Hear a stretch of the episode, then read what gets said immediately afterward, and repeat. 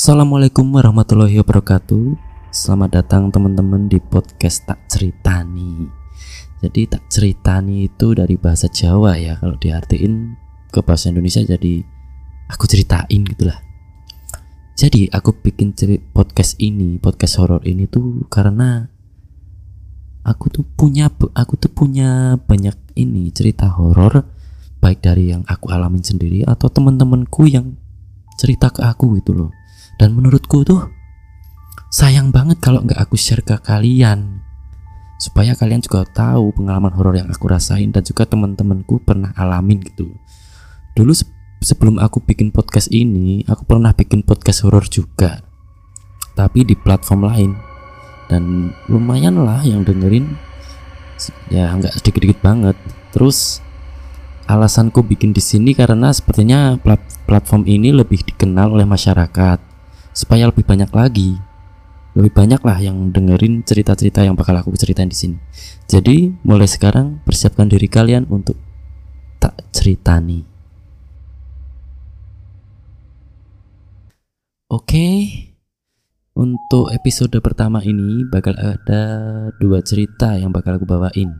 Jadi langsung aja kita mulai ke cerita yang pertama. Cerita pertama ini datang dari aku sendiri ya kebetulan aku sendiri termasuk orang yang agak sensitif gitu jadi di mana pun tempatnya sering banget lihat mereka dalam tanda kutip halus ya. Selama aku hidup ini adalah pengalaman paling ngeri dan paling ngagetin sih. Jadi waktu itu aku lagi lembur di tempat kerja buat selesaiin persiapan akreditasi gitulah di tempat kerjaku dulu. Kejadiannya itu sekitar waktu mau masuk maghrib kebetulan teman kerja yang lain lagi pada pulang lah. Salah aku sama mas-mas penjaga tempat kerjaku. Sebut aja mas Aldi. Dia dari pagi belum pulang sama sekali. Sementara aku udah sempet pulang tadi siang walau bentar. Nah makanya aku suruh lah dia pulang duluan buat bersih sekat. Mandilah makanlah sholat lah aku temuin kan dia di belakang. Aku tanyain di kamu nggak pulang sekalian mandi-mandi sana gih dia ngejawab nggak apa-apa nih Mas Daru sendirian. Ya aku jawab juga nggak apa-apa udah biasa ini ntar ke sini habis isa aja. Sekalian si Tomo kan juga mau ke sini ntar. Ya wis mas aku pulang dulu. Kalau mau ngopi dah aku siapin di dapur kata Aldi. Lalu dia pamit pulang gitu. Tak lama setelah itu aku langsung menuju dapur buat sekedar ngopi lah biar gak ngantuk sambil nungguin maghrib gitu. Soalnya letak dapur deket sama ini tempat wudhu dan musola. Jadi nggak kejauhan kalau aku mau ambil wudhu buat maghriban. Baru uh, kalau nggak salah itu baru bikin kopi. Aku udah denger tuh suara adzan maghrib. Ya karena tanggung lah ya aku seruput dulu itu kopinya sambil ngabisin rokok satu batang. Kelar ngerokok aku niatnya mau ngambil wudhu di belakang dapur tempatnya lumayan gelap. Soalnya harus ngelewatin dua ruangan ke yang kebetulan lampunya itu mati dan itu jadi kayak lorong gitu loh. Dua ruangan e, bersampingan agak panjang dan nggak ada lampu. Jadi kayak kita masuk ke lorong atau terowongan itulah ada kali 10 meter. Nah waktu aku mulai jalan di pertengahan gedung itu aku lihat ada sekelebat ya putih terbang dari arah arah eh, arah mana ya? Utara kalau nggak salah. Arah utara tempat wudhu menuju belakang gedung paling timur di sini. Nah jadi gedungnya itu menghadap ke barat dan itu bayangan itu dari utara ke arah tempat wudhu. Karena aku tuh orangnya penasaran ya. Waktu itu aku sampai di lokasi aku kejar itu bayangan putih tapi nggak ada gitu loh ya aku cuman berasumsi ah tadi cuman halusinasi halusinasi atau aku ngelam, ngelamun gitulah cuman bayangan motor atau lampu. Kan ada yang putih itu lampu motor yang putih itu kan. Terus aku udah nggak aku pikirin lagi lah aku putusin buat balik lah ke arah tempat wudhu. Udah nyantai tuh gue pikir bakal nggak ada apa-apa. Nah pas aku belok ke arah tempat wudhu nggak nyangka nggak ngira itu di atas tandon air. Tahu tandon air gak?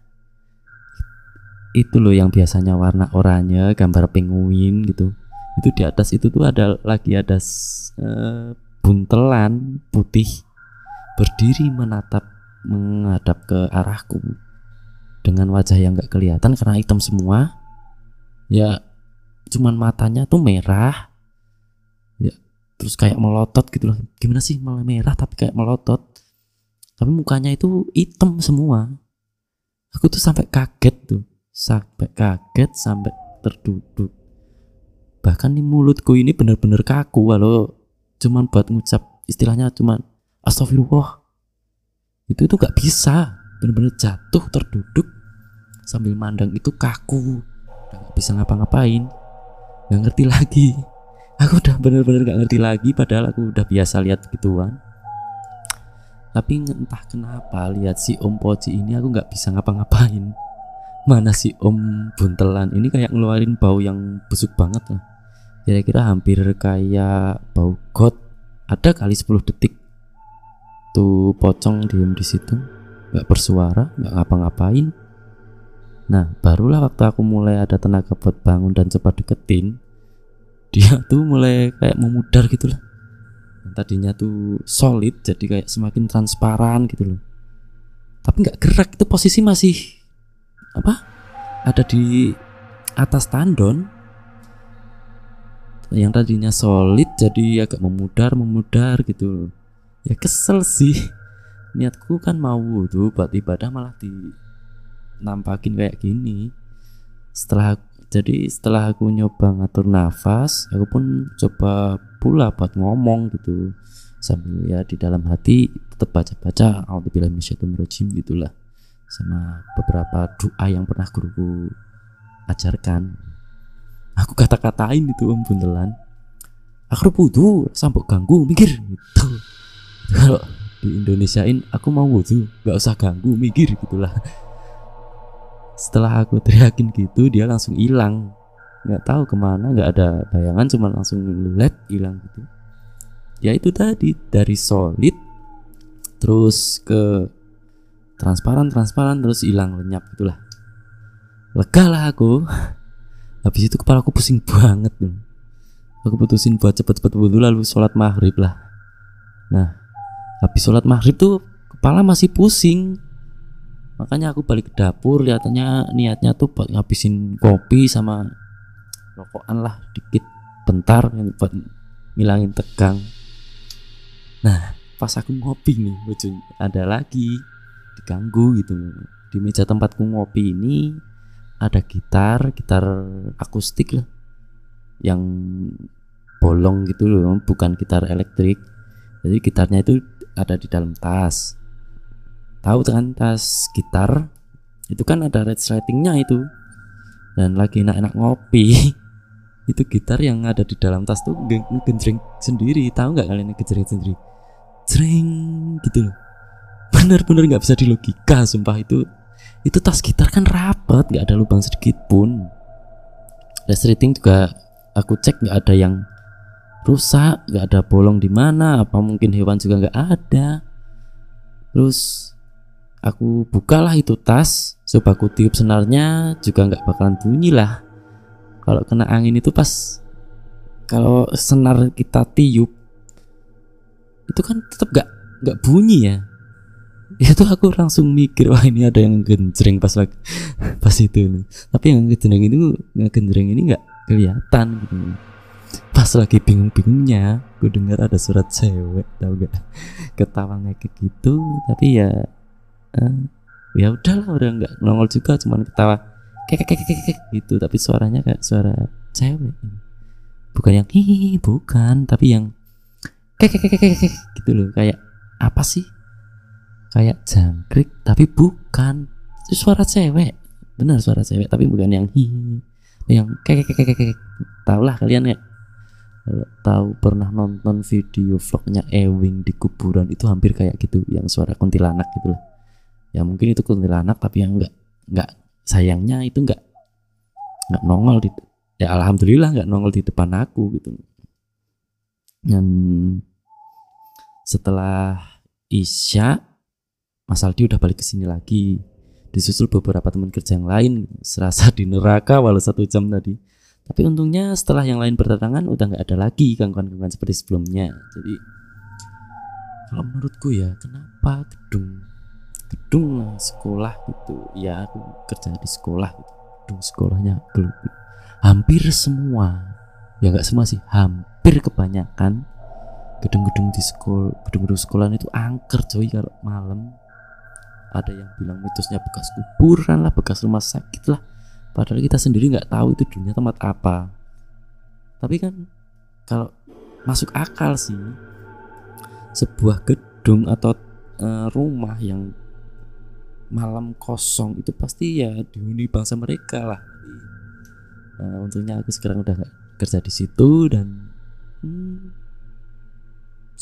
itu jadi, udah jadi kenangan selama hidup aku lah. Itu kejadian baru dua tahun lalu gitu. Dan alhamdulillah sekarang sampai sekarang masih bisa kalau lihat-lihat mereka aku masih uh, ngontrol emosi juga udah bisa alhamdulillah oke. Okay.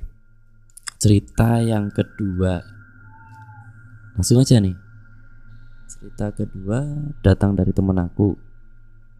Dulu teman satu kampus tapi kita beda jurusan. Lah nah jurusan dia itu kalau kuliah kadang nggak kadang ada jam kuliah malam. Tahu nggak sih kuliah malam yang siang siang kuliah tapi malam juga masih ada gitu loh. Jadi kuliah nggak cuma siang tapi ada jadwal malam gitu nggak tahu lah jurusan apa lupa aku dia. Teknik kalau nggak salah. Nah suatu hari dia habis kelar kuliah sekitar jam setengah 10 malam kalau nggak salah. Habis beres-beres catatan dia diajak teman-temannya tuh buat turun ke bawah karena ruang kelasnya kan ada di lantai tiga. Tapi pasti ada diajak turun dia bilang dia sengaja belakangan karena mau nyalin catatan dulu. Soalnya kalau udah pulang sampai rumah itu dia males ngelanjutin catatan gitu loh. Emang pemalas dia kuliah aja gak lulus lulus sama kayak aku dulu. Oke lanjut. Akhirnya temanku ini sendirian lah di dalam kelas. Dia emang udah bi biasa gitu. Soalnya selain kelas dia biasanya ada kelas lain yang juga kuliah malam. Bahkan sampai jam 11 tuh ada kalau nggak salah. Zaman-zaman kita lagi padat-padatnya itu maba itu gila gila-gilaan itu. Yang lulus berapa yang masuk berapa itu. sampai kekurangan ruang lapangan parkir itu sampai chaos dulu. Aku pernah ngalamin itu di kampusku tapi sekarang udah entah berkurang atau gimana lah nah lagi asik nyatet nyatet catatan gitulah. Dia didatengin cewek temennya lah dari kena kelas sebelah. Tapi itu temennya tuh cuma ngeliatin doang nggak menyapa kayak biasanya padahal katanya temennya ini si I, sebut aja Ica gitulah si Ica ini termasuk anak yang cerewet ya rata-rata cewek cewek ketemu temennya gitulah. Tapi temanku ini cowok ya itu dan mereka itu temenan karena tetanggaan atau masih saudara gitulah. Nah ada yang berbeda dari si Ica. Akhirnya temanku ini yang inisiatif buat nyapa. Udah kelar gimana sih ya lu dulu lupa? Udah kelar juga kelas lu Cak. Tanya temanku. Nah temennya ini si Ica ini nggak ngejawab cuma ngangguk sama mukanya lemes banget gitu kayak lagi sakit. Temanku kesel kan? Dia cek lah. Belum sembuh di hari lu. Yolah pulang udah malam ajak temanku. Nah akhirnya temanku akhirnya temanku keluar kelas diikuti si Ica ini di belakangnya pas udah sampai sampai deket tangga itu mau turun si Ica ini belok ke WC Nah temenku yang ngeh tuh nggak mikir macam-macam, dia cuma mikir si Ica emang lagi sakit perut soalnya pas siang itu dia kayak sambat itu bahasa Indonesia apa ya ngeluh dia tuh sakit perut gitu. Nah makanya mau ke WC. Nah, ditungguin lah si itu si Ica tapi anehnya udah tapi anehnya udah hampir setengah jam kalau nggak salah. Si Ica ini nggak keluar juga dari WC. Nah sampai jam hampir menunjukkan menunjukkan pukul 12 ada satpam kontrol tuh ke atas. Teman-temanku nungguin si Ica di dalam WC ditanyain lah dia sama satpam si sat, pak satpamnya. Loh mas kok masih di sini? Udah bubar semua loh di bawah. Mau saya kunci nih gerbang depan? Kata satpam kata pak satpam tuh temanku jawab ini juga mau pulang pak. Tapi lagi nungguin teman saya lagi di WC oh ya udah mas. Saya mau kontrol ruangan dulu kata satpam itu lalu mulai ngunciin pintu ruang kelas satu persatu. Curiga si Ica nggak keluar juga. Temanku ini inisiatif buat nelpon soalnya mau masuk nggak enak kan itu toilet cewek dikiranya macam-macam gitulah nah lama itu diangkatnya katanya sampai tiga atau empat kali nelponnya. Nah di panggilan yang terakhir akhirnya si Ica ini angkat teleponnya. Tanpa salam tanpa apa atau nyapa temanku langsung ngegas gitu cepetan cak. Tuh wis kunciin konceni Pak Satpam. Itu, itu kalau di Indonesiain beruan keluar cak. Ini udah mau dikunciin Pak Satpam woy nah si Ica ini lucunya jawabnya gini loh. Sambil ngegas juga marah-marah juga si Ica tahu nggak kalian si Ica bilang apa? Apa sih? Aku turu ket mau nang rumah ngawur. Itu. Itu kalau di bahasa Indonesia apa sih? Aku tidur dari tadi di rumah ngaco gitu si Ica dari ujung telepon. Temenku yang dengar jawaban Ica kayak gitu langsung pingsan di tempat. Dan katanya baru sadar satu jam kemudian di pos satpam. Nggak tahu dia pulangnya gimana cuman dia paginya langsung cerita ke aku soal kejadian semalam gitu. Ya emang sih gedung yang satu itu emang agak horor. Sering sering ada cewek nangkring di di di situ di gedung yang itu yang menghadap ke timur. Kalian kalau tahu kampus terbesar gitulah di kotaku itu yang menghadap ke timur empat lantai sering ada cewek nangkring juga di atas genteng tapi yang tapi ya emang kita hidup kan berdampingan gitu nggak nggak nggak ganggu. Menurutku ya di yang tapi ngeri sih kalau hampir sampai menyerupai kita ngobrol-ngobrol gitu. Itu lebih ngeri daripada kita ditunjukin langsung sama sosoknya. Gitu. Oke. Okay. itu tadi dua cerita yang udah aku bawain di podcast tak cerita nih untuk episode pertama buat kalian yang punya cerita horor atau hmm, pengalaman horor kalian bisa share aku uh, hubungi IG aja di Daru Tirta hanya dua ya.